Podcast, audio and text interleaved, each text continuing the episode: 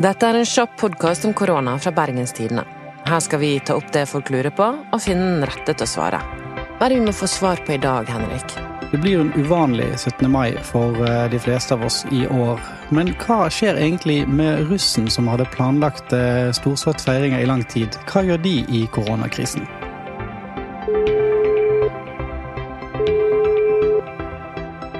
Altså, Hei, Didrik. Anna fra Bergenstidene her. Didrik Norvik, du er russepresident i Bergen. det stemmer. Kan ikke du ta oss tilbake? Når begynte du og din russegjeng å planlegge russetiden? Uh, nei, vi begynte jo rett ut av ungdomsskolen, første VGS. Ja, Vi begynte.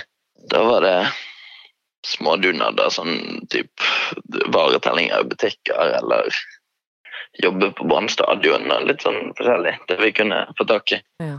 Planla dere å ha russebuss, da? Ja da, det har alltid vært eh, planen. Når fikk dere russebuss, da? Nei, altså selve, selve bussen skaffer man seg før året før sin russetid. Det vi gjorde, var egentlig at vi hadde møter der vi Største, største kranglepunktet for oss har vært hva vi skulle hete.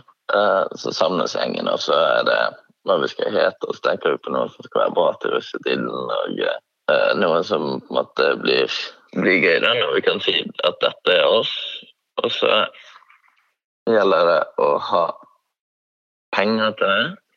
Da er det egentlig å gå ut og skaffe seg dunader. Hva som helst, egentlig. Varetellinger eller eh, jobb i, i kiosker har vi gjort. Vi reiste faktisk til Oslo i fjor for å jobbe på en eh, festival der borte. Det var ganske gøy.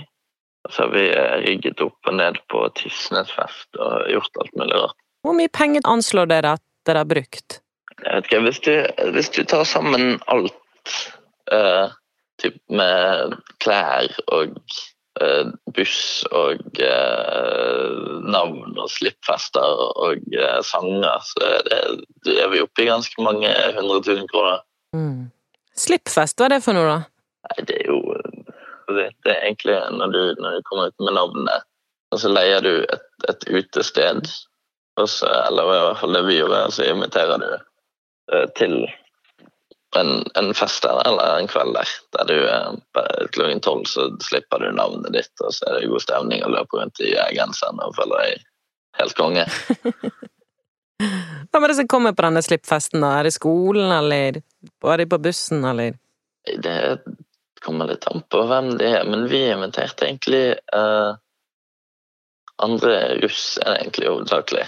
Det spiller ikke så mye rolle om de går på skole eller bare, måte, venner. Vi gjorde det sånn at eh, det var så og så mange plasser inn på det utestedet, så fikk alle sammen velge. Delte vi det likt, og så fikk alle sammen ta med seg så mange som de fikk på en måte utdelt. da. Husker jeg ikke nøyaktig.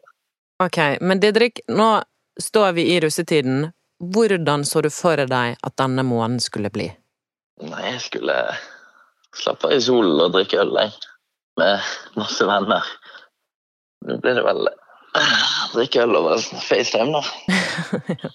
Ok, Didrik, og så rammer koronakrisen oss, og dere kan ikke feste sånn som dere hadde planlagt. Hvordan tar dere den beskjeden?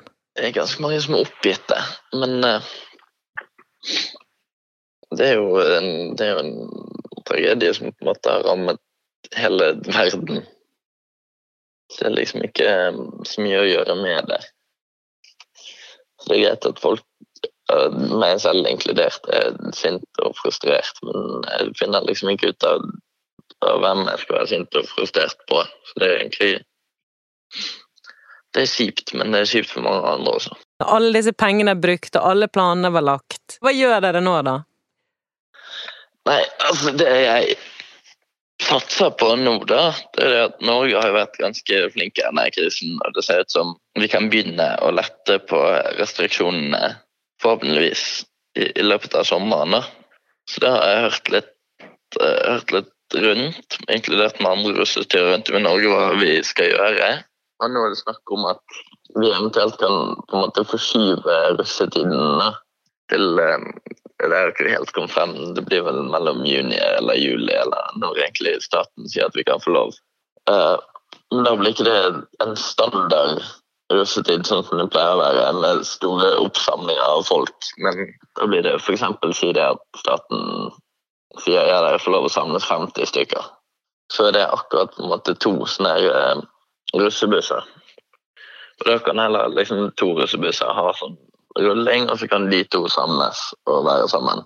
Uten at vi nødvendigvis trenger altså, altså samles hundrevis av folk. Jeg tror det er mange foreldre som er glad for at dere ikke skal ut og rulle. Det er vel kanskje noen som er litt lettet av at de slipper å gå og være nervøs i hele mai, men eh, jevnt over egentlig folk har egentlig medfølelse og synes at dette er kjipt og synd. Nei, men du, lykke til med skolearbeidet, da. Takk skal du ha. Fint. Ha det godt. Vi er tilbake i morgen med et nytt spørsmål. Følg med på BT sin løpende koronadekning på bt.no. Mitt navn er Anna Magnus, og produsent var Henrik Svanevik. Lurer du på noe, send meg en e-post på anna.magnus.bt.no. Skulle dette vært en diss, har vi noen premiss. Ikke alle er bevisst på at sangen har en twist. 22 kisser vi har nettopp vist at bussen vår skinner som nylagt asfalt. Bussen er så jævla svær, det blir jo som en fuckings astronaut som flyter rundt i rommet. Siggen i min lomme. Ikke stress med det, du på F, kan du komme? Sigarett, han er kneit, kall han sigarbøy. Rett fra vest, jeg er knest og agger gymtøy. Hva som gjelder skrevet, trodde jeg fløy. Ikke dårlig vær.